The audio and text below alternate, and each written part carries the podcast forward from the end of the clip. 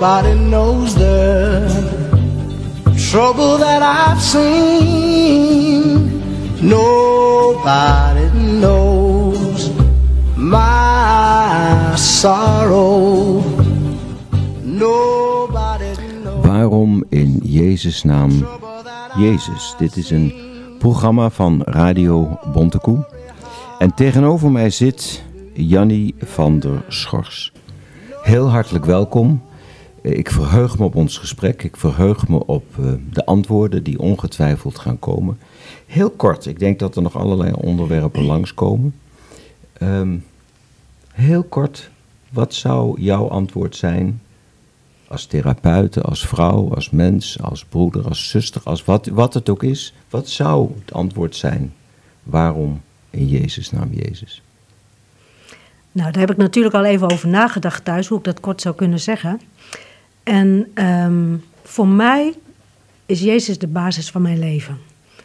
En ehm, als je door dalen gaat of door pieken of wat ook, hij is er altijd en hij is altijd dezelfde. En eh, ik denk dat ik mijn leven daarop gebouwd heb en eh, ja, dagelijks ervaren hoe hij daarbij is. Dat is kort, prachtig. Daar heb je, je bent al begonnen, je, bent, je hebt het over het leven en dat vind, vind ik het heel leuk. Ik ook natuurlijk om te weten van de, de achtergrond van je leven. Is, kun je daar iets over vertellen? Je bent, begrijp ik, therapeute van, van, van huis uit, beroepsmatig of hoe is dat? Hoe is dat gekomen? Ja, waar, waar is dat begonnen een beetje? Of wil je ergens anders beginnen? Nou, misschien is het dan eh, goed om te beginnen dat ik eh, opgegroeid ben in een christelijk gezin in Groningen. Dus eh, niks West-Fries. En ehm, ja, daar heb ik natuurlijk alles wel meegekregen. We hadden een traditioneel gezin, echt vrij streng, christelijk gereformeerd. eh, hadden echt een strenge hoek, zeg maar. Ehm, nou, daar hebben we een en ander meegemaakt. Mijn moeder is heel jong overleden. Dat heeft natuurlijk wel zo zijn impact gehad op mijn leven. En alle hulp die we daarin hebben gehad, heeft me ook wel een beetje als voorbeeld gediend voor mij om, eh, ja, om, om toch eh, betrokken te raken in hulpverlening. Want dat, dat heb ik zelf natuurlijk ervaren als heel goed. Dat die zorg er was. En, eh, Je hebt ook de warmte van de hulpverlening als kind al ervaren als... ja, dat, be- dat beperkte zich dan wel tot gezinszorg. Maar goed, die waren er wel altijd. Maar je vader was op een gegeven moment alleen Ja. met het gezin. Ja. En er waren genoeg mensen, of er waren mensen, het waren ook mensen uit de kerk die kwamen helpen. Of, eh, Mm, Nee, dat niet zozeer. Vooral uh, ja, gezinszorg hadden we. en hoe oud was je toen je moeder er niet meer was? 15. Wauw, dat is Ja. een hele cruciale. Als therapeut hoef je dat niet uit te leggen natuurlijk. Nee, dat is een nee, heel nee, cruciaal precies. moment toch in een... Ja. Ja, eigenlijk is ieder moment natuurlijk wel cruciaal. Jawel, maar ja, van, eh, ik had een zusje die was drie. Ja, dat is ook, ook cruciaal. Ja, nee, Ja. precies.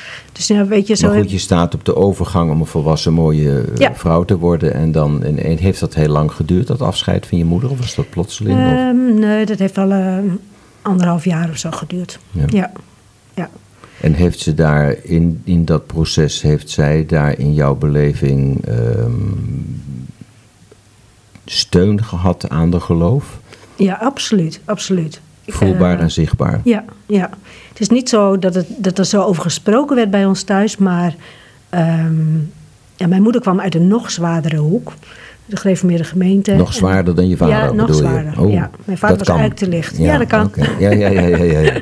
Ja, maar zij, zij heeft zich daar wel wat van losgemaakt. En, en ik weet nog dat ze aan het eind van haar leven mensen uitnodigde bij haar thuis. Omdat ze nog wat met hun wilde bespreken of dingen recht wilde zetten. En eh, je zag ook dat, dat door al die processen heen dat ze op een gegeven moment vrede vond. En eh, het leven los kon laten, zelfs ons los kon laten. Nou, dat is natuurlijk heel moeilijk als moeder zijnde van vier kinderen. Hoe oud is ze geworden? 37. Zo. Ja, dus dat was, eh, dat was gewoon jong. Maar het was voelbaar, zichtbaar dat ze steun had van... Ja, ja. Dat is heel mooi om te zien. Ik denk ook wel dat dat voor mij veel betekend heeft. Ook al hadden we het er niet over. Maar om dat te zien. Hoe ze overeind bleef. Geestelijk in ieder geval overeind bleef. eh, ja, dat is, dat is gewoon waardevol. En, en om te zien dat, dat, dat Jezus ook haar basis was. Dus eh, wezenlijk anders dan het beroemde boek Een bed van violen.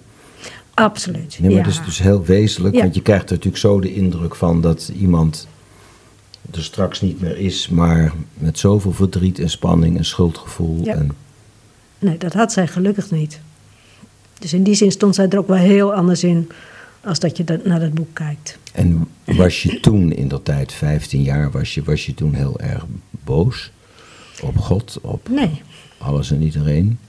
Nee, daar heb ik me ook wel eens over verbaasd. Maar nee, dat, dat, nee, dat had ik niet. En later nog? Ik praat nu als therapeut hè, tegen Ja, jou, ja, dat weet- merk je wel. Hè? Ik ga nu verzoeken. Ja, precies. Ja. Is die woede? Nee, maar ik kan me wel heel goed voorstellen dat dat misschien nog 10 jaar, 15 jaar of drie jaar later kwam. Ja, nou, ik het is heb wel, wel je moeder, hè, die weg is een stuk. Een, een, een, een, Maar ik heb haar zien lijden. Hè? Dus op een gegeven moment dan, dan komt er ook een moment dat je denkt van ja, ze is beter af als ze, als ze naar God gaat. Mhm. Dus ik denk dat dat wel hielp. En eh, boos. Ik heb wel op een gegeven moment gehad dat ik dacht. Toen kwam ik erachter dat, dat er ook kerken waren die baden voor genezing bijvoorbeeld. Dat ik dacht van, oh, als ik dat nou eerder geweten had, dan had ik misschien wel voor haar kunnen bidden. En dan was ze misschien wel beter geworden. Dat, dat, maar dat was meer verwijt naar mezelf toe, zeg maar. Af verwijt, dat is ook een groot woord, maar beetje zo van, ja, ah, had ik dat nou maar eerder geweten.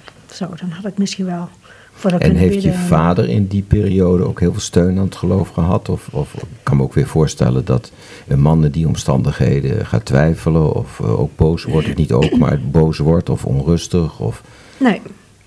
Nou ja, hij liet daar niet zoveel van merken hoor. Maar ik weet wel dat, dat het geloof voor hem altijd wel iets rotsvast is geweest. Waar hij zich ook denk ik wel aan vastgeklampt heeft om eh, overeind te blijven. ja. Dus ik, ik heb nooit gemerkt bij hem dat hij twijfelde of, eh, of boos was. Nee, dat heb ik nooit gemerkt. Nee. En, en is daar nog een, een, een moment te vinden in die periode dat je nog sterker tot het geloof kwam? Of was dat van het begin af aan zo? Of dat je nog bekeert? Of dat je ineens denkt, nou moet ik toch zelf iets gaan Ja, ondernemen? Maar dat was pas later. Later. Ja, ja. Ik, eh, ik, ik weet nog dat ik eh, nadat mijn moeder overleden was gevraagd werd door eh, iemand die ik kende of ik mee wilde doen in een eh, gospelband. Nou, ik voelde me zo vereerd dat ik daar aan mee mocht doen. Dus dat heb ik ook gedaan. En, en vanuit die groep is eigenlijk een beetje gegroeid. Ik vond zingen heel leuk, dus dat was al. Dat dus- wij hier in de studio weten dat. Je hebt hier net al zitten zingen. Dus ik, ik, dacht, ah, daar gaan, we, daar gaan we. Die heeft gezongen. Ja, ja, ja. ja, Maar dat gaan we straks uitzenden. Dat komt nog. Ah, er komt nog, ja. Oh, help. Nou, kijk maar uit. Straks word ik nog gevraagd om ergens op te treden. Hè? Nou, wie weet. Nieuwe carrière.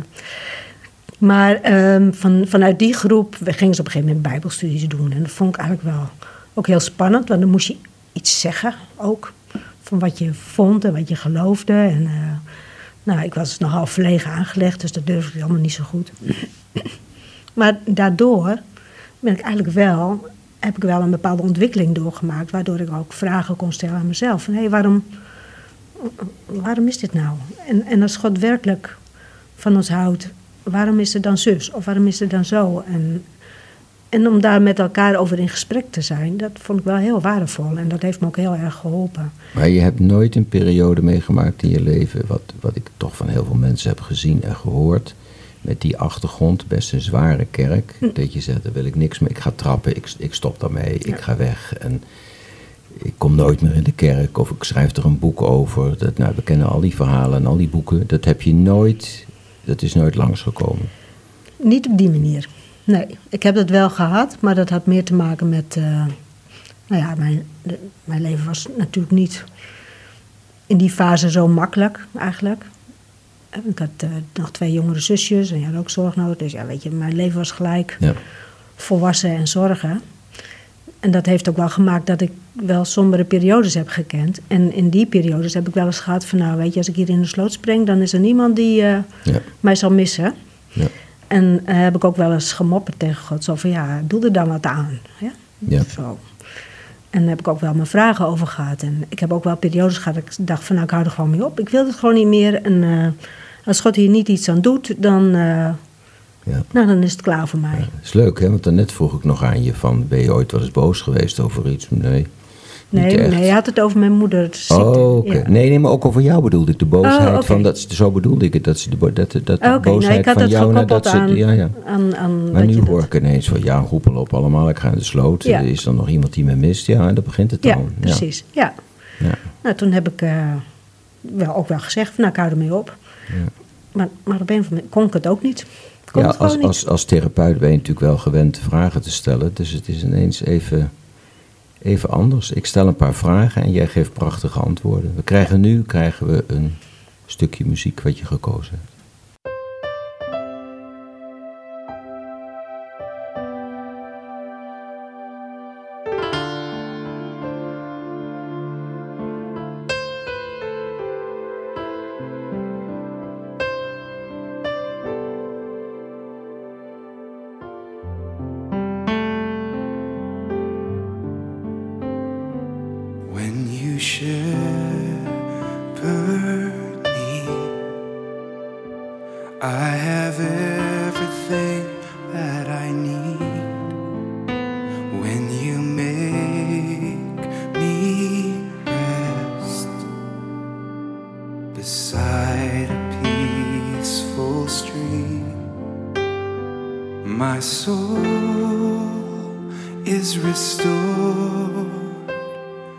My strength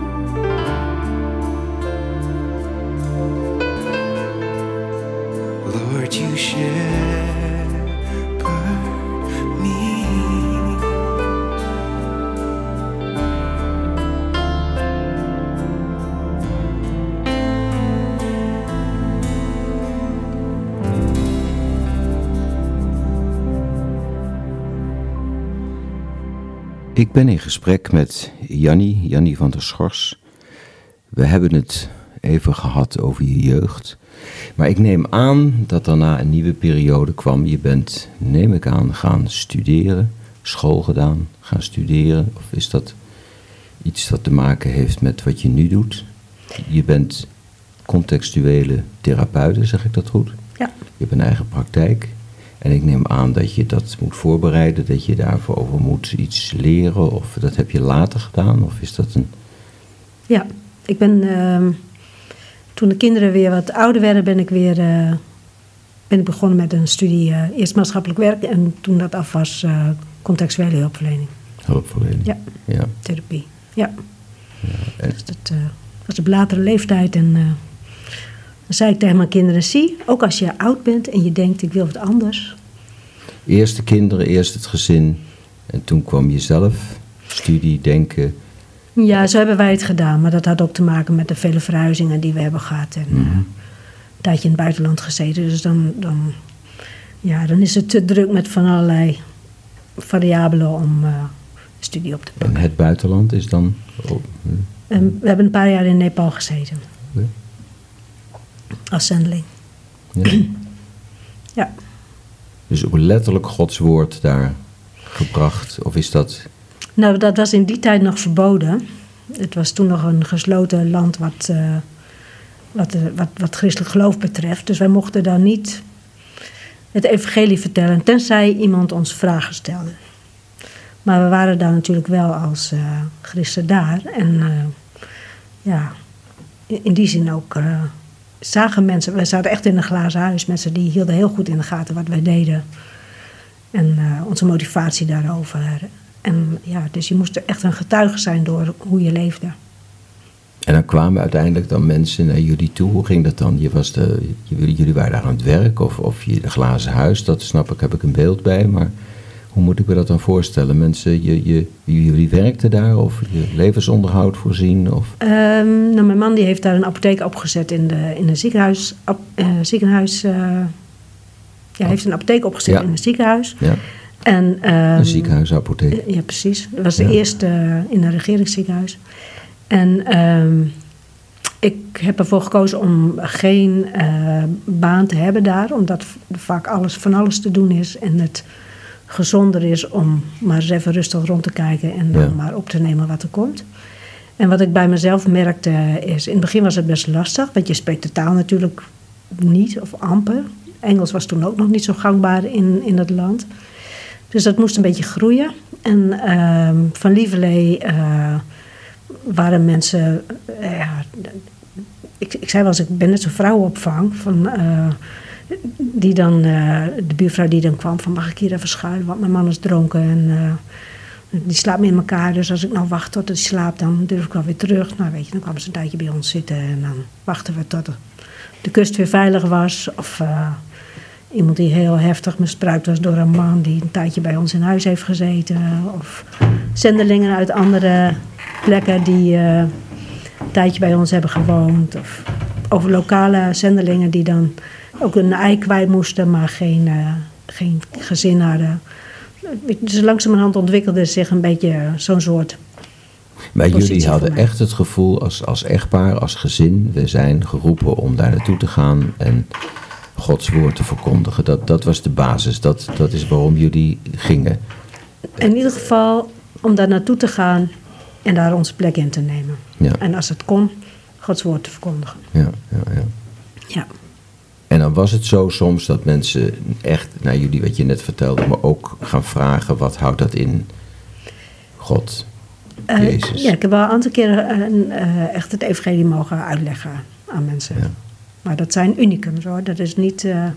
dat was niet... En als je dat nu in deze setting, hè, Radio Bontekoe, in dit programma, voor de mensen die nu luisteren, als je nu de tijd zou nemen om mij te vertellen wat voor jou het geloof inhoudt, wat zou je dan, misschien vanuit het perspectief dat je daar zat met mensen of dat je hier met mensen praat, maar wat, wat zou je dan zeggen, dat is waar het wat jou betreft, dat moet, mag, moet gezegd worden? Ehm, het is een hele grote vraag, hè? Daar kan ik heel veel over zeggen. Maar ik denk dat ik zou, zeker als ik even in die setting denk, een Hindoeïstisch koninkrijk, mensen waren gewoon altijd bang. Van, oh, we moeten weer eh, offers brengen. Of, we moeten dit hier vooral niet over praten, want straks ziet een van de goden het. En die, als je zwanger was bijvoorbeeld, dan, dan, dan mocht je het daar niet over hebben, want dan zouden misschien een van de goden komen en het kindje wegnemen. Meis, jongetjes, die kleden ze altijd aan als meisjes, want eh, ja, dan, dan zagen de goden niet dat het een jongetje was. En dan, weet je, dus allemaal dat soort ideeën hadden ze. Dus, dus wat voor mij heel belangrijk is, is dat Jezus naar ons toe kwam. Weet je, hij, hij heeft niet gezegd, je moet heel erg je best doen om eh, te verdienen dat je bij mij mag horen. Maar God zei van nee, ik stuur mijn zoon naar jullie toe. Hij komt, hij komt bij jullie om ook te ervaren hoe het is om mens te zijn. Jezus heeft alles meegemaakt wat wij ook meemaken. Hij heeft alles gevoeld wat wij ook voelen. Dat God hem naar ons toe heeft gestuurd om te zeggen: Ja, ik, ik hou zoveel van jullie. Ik geef mijn zoon, zodat jullie ook weer bij mij kunnen komen. En hij accepteert mij voorkomen. Hij, hij zegt niet van: Ach, had je dit nog niet even wat beter kunnen doen? Of uh, nou, als je nou nog eens wat meer aanbidding doet, of als je nou nog eens wat meer uh, goede werken doet, of als je nou nog eens wat meer, nou, wat ook doet, dan ben je goed genoeg om bij mij te horen. Nee, hij zegt: Ik hou van jou zoals je bent. Je hoeft daar niet voor, je best voor te doen. Ik hou gewoon van jou zoals je bent. Je bent volkomen geaccepteerd. Dat is zo'n rijkdom. Het is zo ontspannen ook te mogen weten dat dat zo is. En uh, dat zou ik iedereen gunnen. Dat zou ik echt iedereen gunnen. Om die vrede te vinden van je bent goed zoals je bent.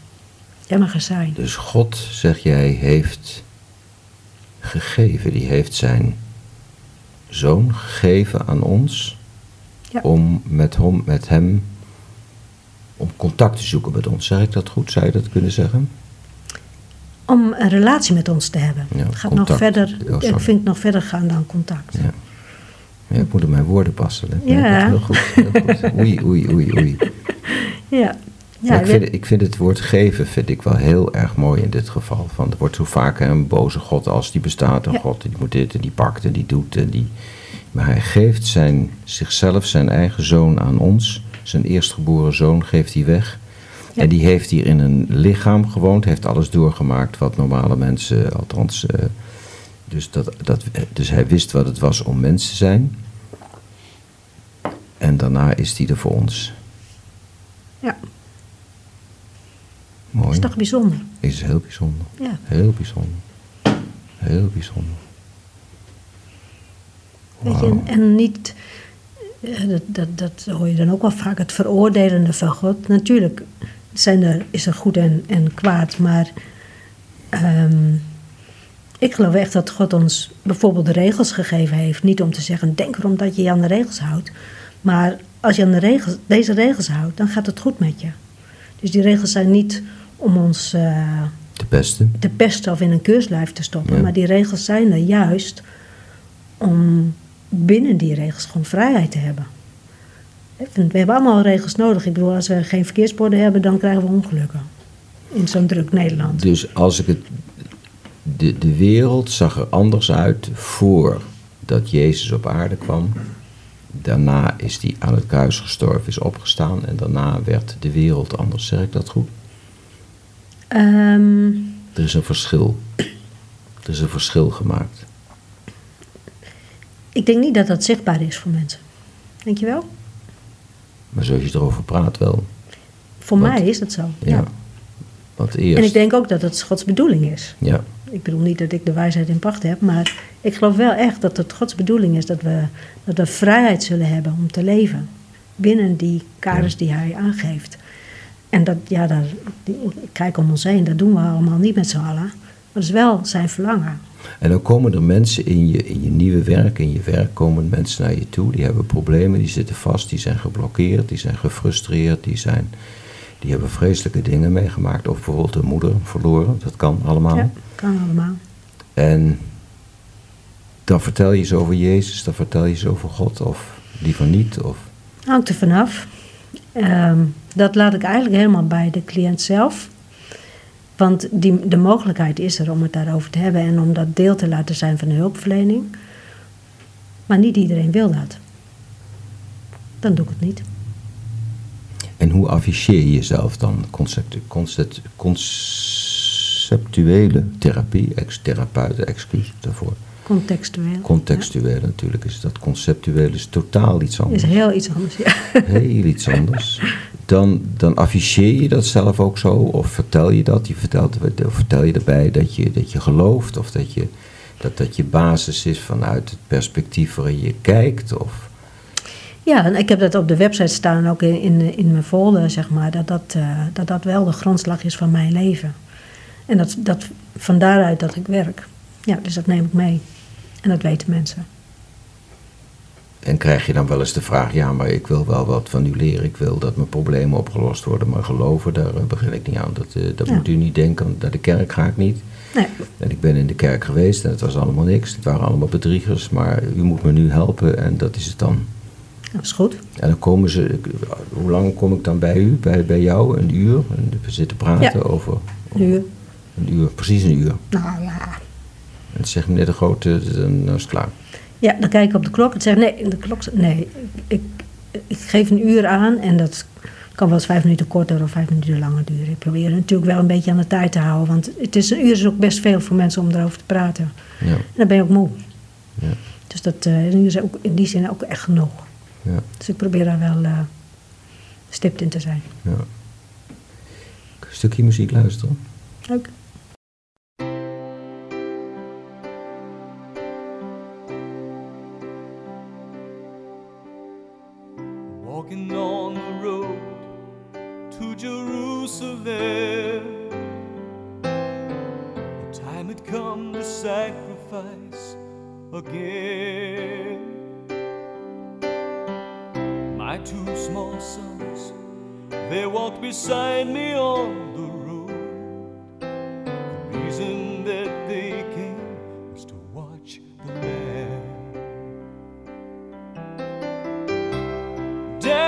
Daddy, what will we see there? There's so much that we don't understand. So I told them of Moses and Father Abraham. Then I said, Dear children, watch the Lamb.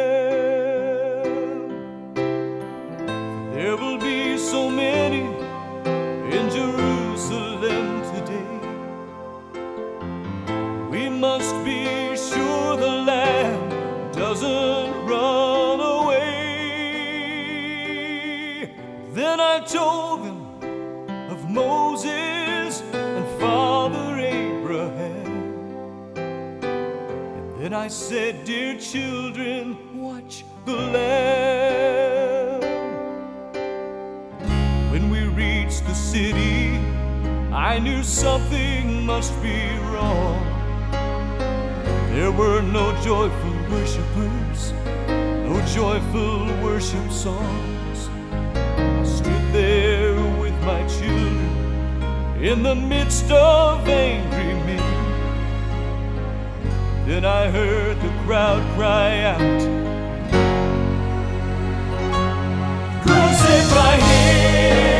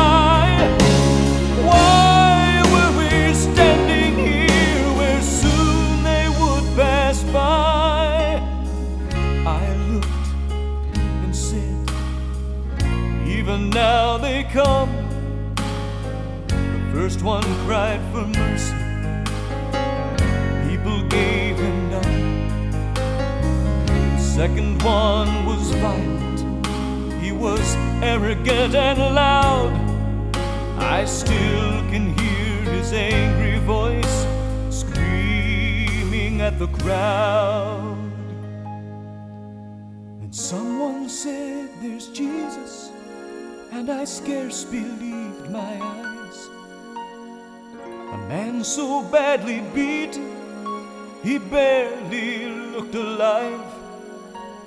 Blood poured from his body, from the thorns upon his brow, running down the cross and falling to the ground. I watched him as he struggled. I watched him as he fell. Cross came down upon his back. The crowd began to yell. In that moment, I felt such agony. In that moment, I felt such loss. Till a Roman soldier grabbed my arm and screamed, You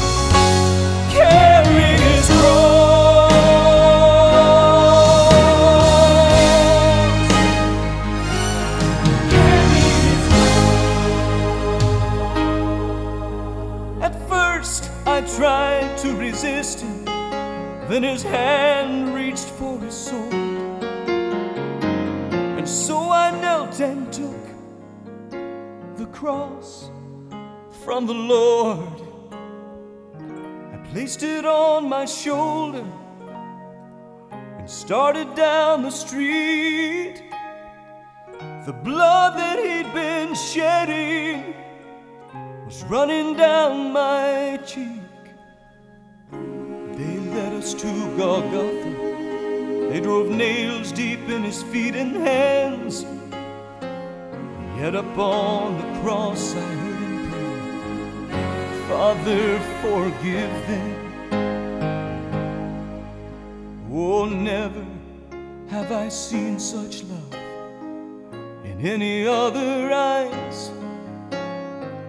Into thy hands I commit my spirit, he prayed, and then he died. Stood for what seemed like years. I'd lost all sense of time until I felt two tiny hands holding tight to mine. My children stood there weeping. I heard the oldest say, Father, please forgive us. The lamb ran away.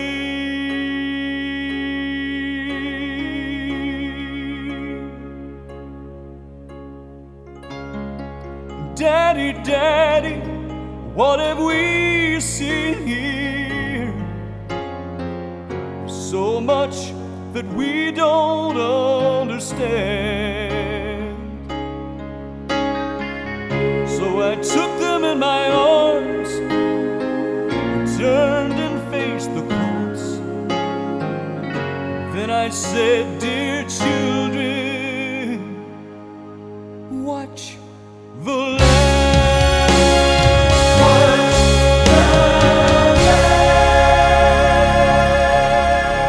Radio Bontekoe.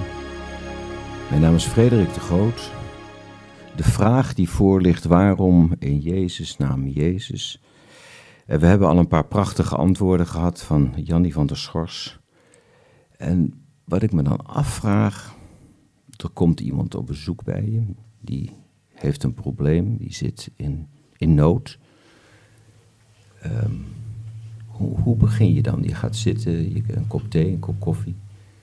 Ja. En dan, hoe, hoe, hoe voltrekt zich dan een gesprek? Je hebt net verteld van een klein, van een uur. En dan, ik neem aan dat je dan zegt, hoe heet u en waarom en waartoe. En dan dan zeg ik bijvoorbeeld van, nou, ik heb de laatste tijd ontzettend last van depressies, maar dan, wat, wat, wat is dan de, de, de insteek, de, hoe, hoe, hoe ga je ermee om? Waar, waar begin je, hoe, hoe gaat het proces?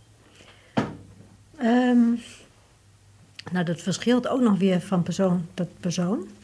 Het eerste wat ik altijd probeer te doen is, is uh, gewoon contact te hebben met de persoon die voor mij zit. En ja, soms een, een, een gesprekje over niet zulke diepe dingen. Uh, en meestal vraag ik uiteindelijk wel van, goh, wat, nou, waar, kom je mee? Waar kan ik je bij helpen? Kun je er iets over vertellen? Dan vertellen mensen vaak waar ze mee komen en, en nou, een beetje wat jij doet. Tijdens het gesprek vraag je door, oh, kun je hier nog iets meer over vertellen? Ik probeer ook altijd de, de want als iemand bij mij komt, dan zie ik niet alleen de persoon die bij mij komt, maar in feite daaromheen alle mensen die betrokken zijn geweest in het opgroeien van die persoon. Dus je ouders, je broers en zusters, en opa's en oma's, uh, vrienden, andere familieleden, andere mensen die belangrijk waren in het leven. Want door al die mensen ben jij geworden wie je geworden bent. Ja, gevormd, ja. Gevormd. En die hebben dus allemaal invloed gehad op, op jouw leven. En die hebben jou ook geholpen. En soms ook niet geholpen. Dus om, om daar een beetje beeld van te krijgen, uh, betrek ik die mensen er ook allemaal bij. En uh, dat gaat natuurlijk niet allemaal in één gesprek. In het eerste gesprek doe ik echt een verkenning van uh, waar gaat het precies om?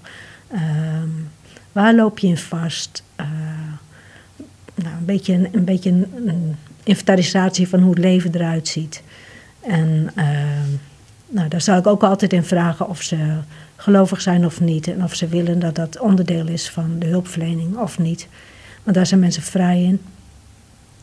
En als mensen dat willen, dan. Mag je onderbreken? En als het antwoord ja is, hè, dus dat het een onderdeel is van, dan, dan gebruik je Bijbelteksten of bedoel je dat niet? Dat je nee, dat bedoel ik niet. Nee. nee.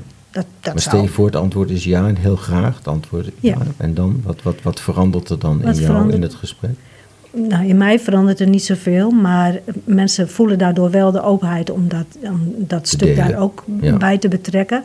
Want weet je, als je veel dingen meegemaakt hebt, dan heb je, hè, jij vroeg aan het begin van, ben je boos geweest op God? Nou, ik had dat dan niet zo, maar sommige mensen uh, wel. En uh, die, die worstelen daar ook mee, want kan je wel boos zijn op God en hoe zit dat dan? En nou, dan kan dat onderdeel zijn van het gesprek. Kijk, als je het niet erover hebt, dan kan het ook vaak geen deel zijn daarvan. Dus, uh, en iets wat ik uh, dan ook altijd aan het eind van het gesprek vraag: van goh, vind je het dan fijn om af te sluiten met gebed? nou, dat, als ze dat willen, dan, dan doen we dat. Ja. En als ze dat niet willen, doen we dat niet. Ja. Het is echt wel, de regie ligt in die zin bij de cliënt die bij mij komt. Jezus heeft ooit gezegd: de waarheid zal ons vrijmaken. Heeft therapie, contextuele therapie, heeft dat te maken met iets van dat mensen onder ogen zien wat de waarheid is over bepaalde zaken, van wie ze werkelijk zijn en wat ze werkelijk doen, en dat je ze daar via een spiegel naar laat kijken. Is dat, dat woord waarheid, hè? Is, dat een, is, dat, is dat een leidraad of is dat een. Ik vind waarheid een lastig woord, want jouw waarheid is vast anders dan die van mij. Mm -hmm. Daar en, begin ik en, ook over. Ja. Uh, kijk, als ik mijn verhaal vertel en mijn zus zou hier naast mij zitten, ja. dan zou het kunnen zijn dat die zegt van, hè, dat is toch helemaal niet zo. En, uh, ja, ik heb dat één keer meegemaakt. Toen uh, had ik zelf therapie en mijn broer was toen een keer mee. En, en die had een verhaal en toen dacht ik, klopt helemaal niet wat je vertelt. Ja. Maar omdat je twee verschillende mensen bent, interpreteer je dingen ook verschillend. Ja. Dus waarheid vind ik in die zin een lastig woord. Maar wel... Um, Kun je het ook, ook voor, voor, voor mij, maar ook voor de, de mensen die luisteren, kun je dat iets, iets verklaren? De, de, de context van dingen, hè? dat is, de, dat is de, de wijze van werken, van denken, van helpen. Hoe, hoe, hoe wordt dat dan bedoeld? Nou, ik zal even een voorbeeld geven. Het kan bijvoorbeeld te maken hebben met patronen die je hebt in je leven. En een patroon zou kunnen zijn: um, als iets moeilijk is, dan maken we er een grapje over. Ja. Maar met dat je een grapje maakt over iets wat je eigenlijk moeilijk vindt, parkeer je dat wat je moeilijk vindt eigenlijk ja. achter en masker van de clown. Ja. En om dan met elkaar in gesprek te zijn, te zeggen van, ik zie je steeds lachen als je het over moeilijke dingen hebt. Dat kan gebeuren.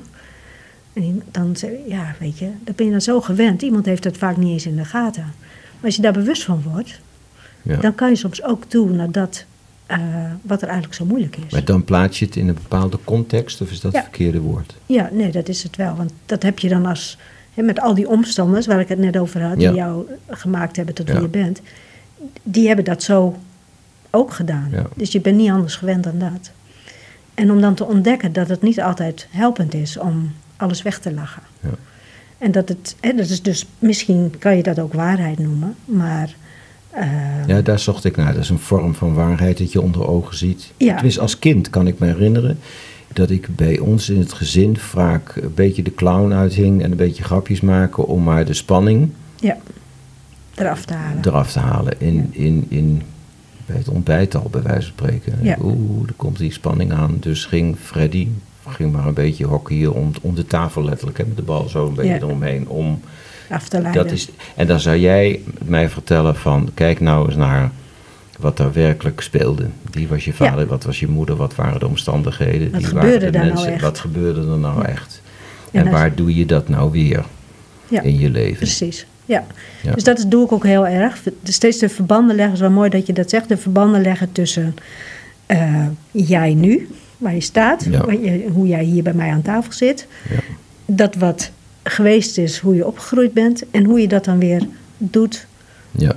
in je leven nu en hoe je het wil gaan doen in de toekomst. Ja. Dus eigenlijk is het heel vaak een switchen van, Maar dan zou je dus kunnen zeggen, omdat de context dan voor mij ineens als cliënt duidelijk wordt, heb ik een nieuwe keus, kan ik maken in Ja. mijn leven of een andere keuzes Ja. te maken, enzovoort, enzovoort. en die zijn heel ingewikkeld.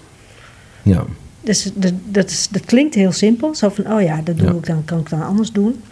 Maar nee, dat kan heel zwaar Het kan zijn. heel ingewikkeld zijn. Dat je denkt, oh ja, ja, ja, ja, ik wil dat anders doen. Ja. En dan zit je weer in zo'n situatie en het eerste wat je doet is wat je altijd deed. Ja.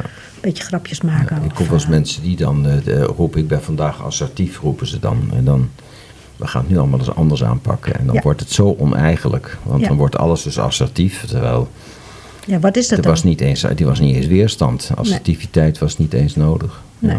Ja. En ja, wat is dan assertief zijn? hè? Ja. Maar als je dat dan in, in de context zet van het christen zijn, hè, dan zou je kunnen zeggen misschien van, was Jezus bezig eh, met je jeugd uit te zoeken en daar de context van te vinden. Je kan ook zeggen, nou, we vragen en we krijgen vergeving. Daarom heb je Jezus in je leven aangenomen en wat zal ik nou nog gaan zitten zeuren over, je vergeet het, je krijgt genade en wat zal ik nog gaan zitten zeuren over de context, het verleden, het nest, Ja. enzovoort, enzovoort. Nou, dat is wel, ik kan er wel een leuk voorbeeld van vertellen van een cliënt die ik eh, ja, jaren geleden van had. Maar die komt gelijk in mijn gedachten. Die was misbruikt als, als kind. En ehm, die kwam bij mij en zei ja, maar dat heb ik allemaal vergeven. En eh, het is allemaal klaar en er is allemaal geen issue meer. En eh, ja, ik loop gewoon tegen andere dingen aan. Namelijk van hoe kan ik nou mijn grenzen aangeven? Of hoe kan ik nou... ehm, zijn wie ik ben. En eh, ik wil niet dat anderen over mij heen lopen. En, en al pratend ehm, eh, bleek het bijna een, een ehm, nieuw masker. Van ik, ben, ik heb het vergeven en het is klaar en ik wil het er niet meer over hebben. En ehm, toen hebben we dat op een gegeven moment gesymboliseerd met een prinses. Ik heb van die poppetjes. Van dit is de prinses. Dit staat boven eh, dat is, dat is niet, niks aan te veranderen. Dat is gewoon Mhm. zo. Maar wat voor invloed heeft dat hele gebeuren nou gehad op jouw leven? Op wie jij geworden bent? Hè? Je hebt het vergeven, maar het heeft wel invloed op jou gehad. Hoe heeft het invloed op jou gehad? En waar, hoe heb je daar nu nog last van? Want dat is ook... ehm, daar ga je dan mee aan de slag. Van dat, dat, zij was Maar dat eh, onder ogen zien heeft er iets dan toch te maken met die waarheid. De waarheid niet van de, de relatieve waarheid, maar durven onder ogen te zien van dit is wat je geworden bent door dat je over je grenzen heeft, hebt laten lopen en moeten laten lopen. Ja. En daardoor kan je bijna niet anders in het heden sowieso reageren. Ja. Dat is dus een, denk ik ook een vorm van de waarheid, de context onder ogen zien. Dat is, dat is dan Ja, Ja. Dat is, ik, ik heb echt problemen met het woord waarheid. Ja, dat merk ik. Ja. Ja, het is natuurlijk wel een vorm van waarheid. Maar als, als wij mensen roepen over waarheid, dan, dan roepen dit is, zo is het en niet anders. Er wordt gezegd dat een van onze grootste volksziektes gaat worden in de komende 15 jaar. Maar dat weet je natuurlijk alles van. Dat is wat veel in mijn kringen eh, best veel voorkomt, is mensen die echt lijden aan depressies.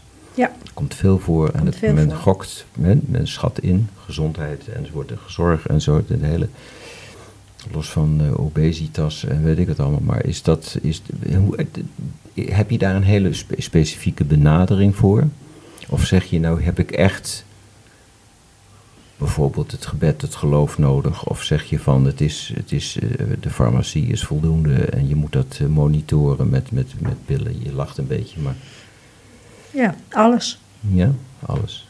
Nou, ik denk dat er straks een langer antwoord komt. Er komt nu een, eh, een klein stuk mooie muziek wat je hebt uitgezocht.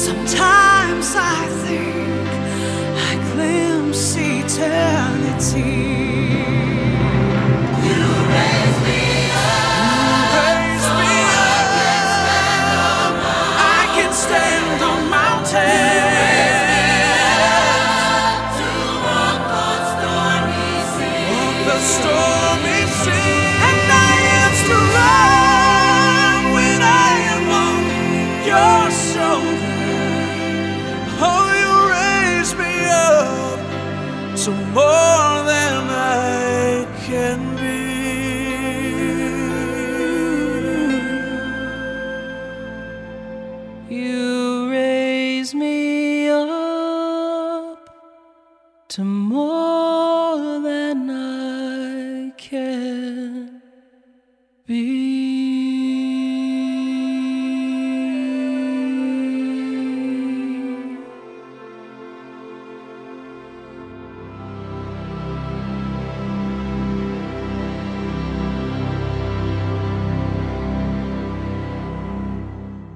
Ik was er net heel brutaal begonnen over depressies.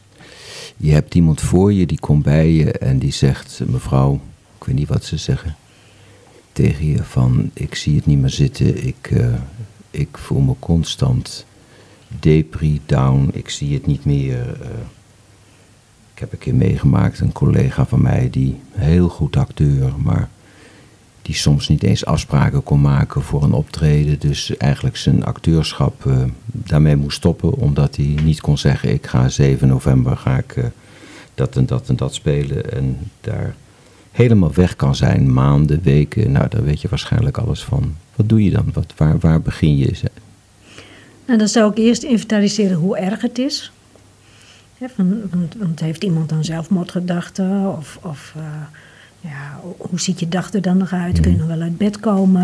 Eh, lukt het om nog Maar activiteiten de persoon te doen? die ik voor me heb in mijn geestesoog eh, gaat niet zo goed. Gaat niet zo goed. Nee.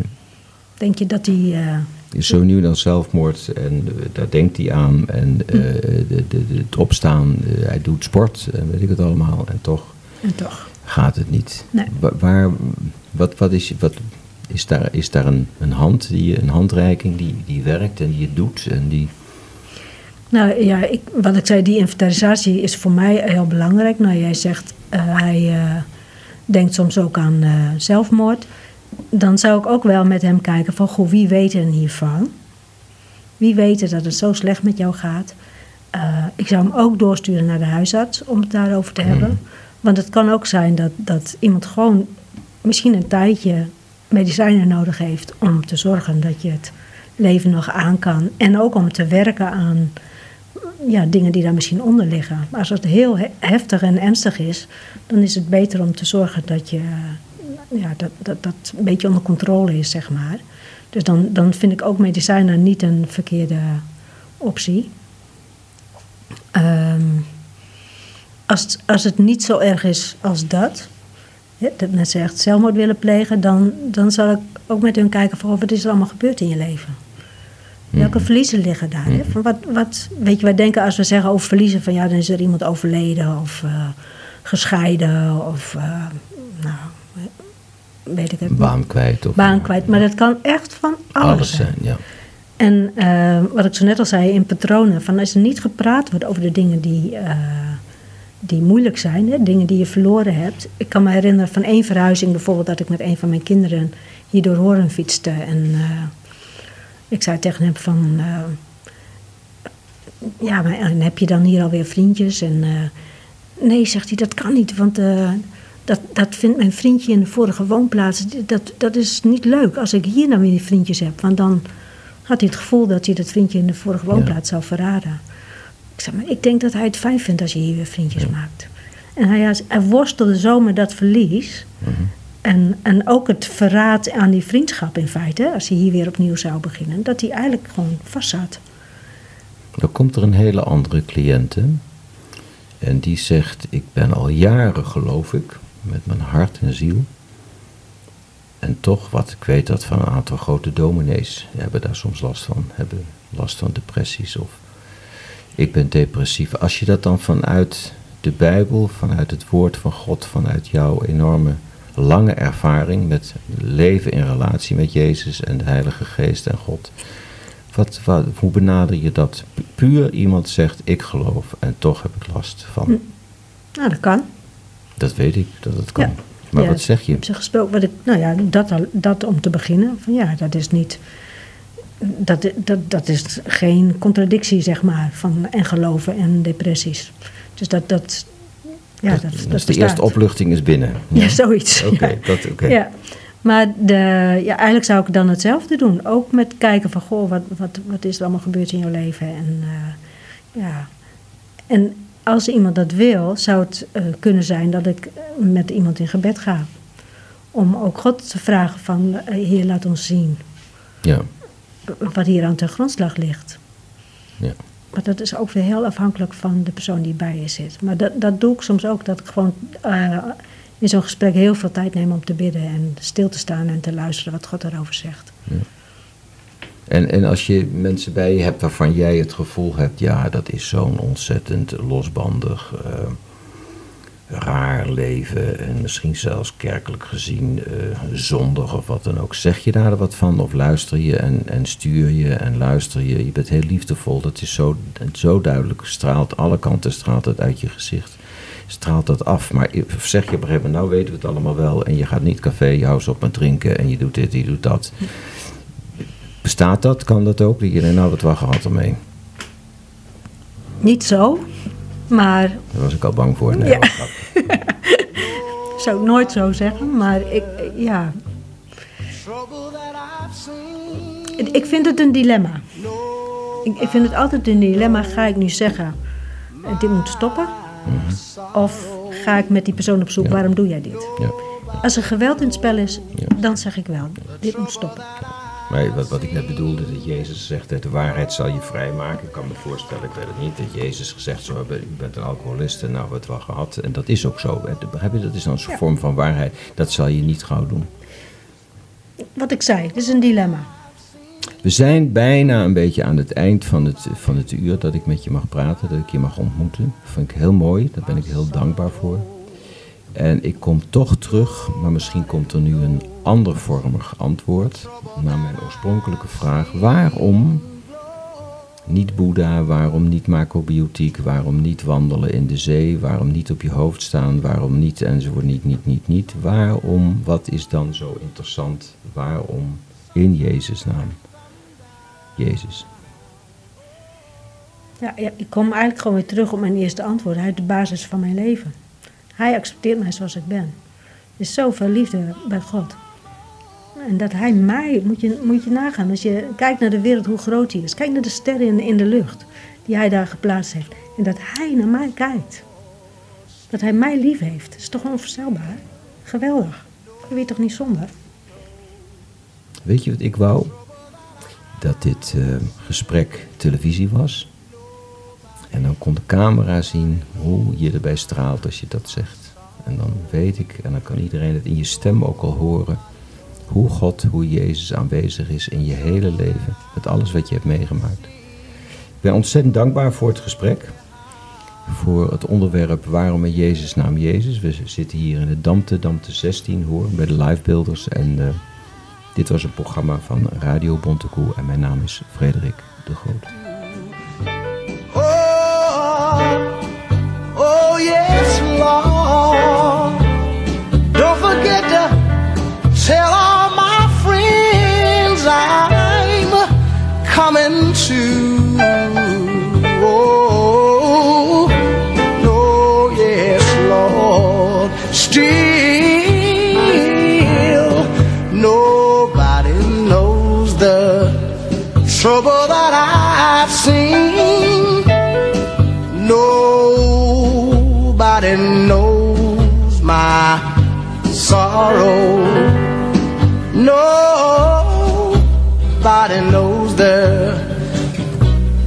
Trouble that I've seen. Glory, ha- hallelujah.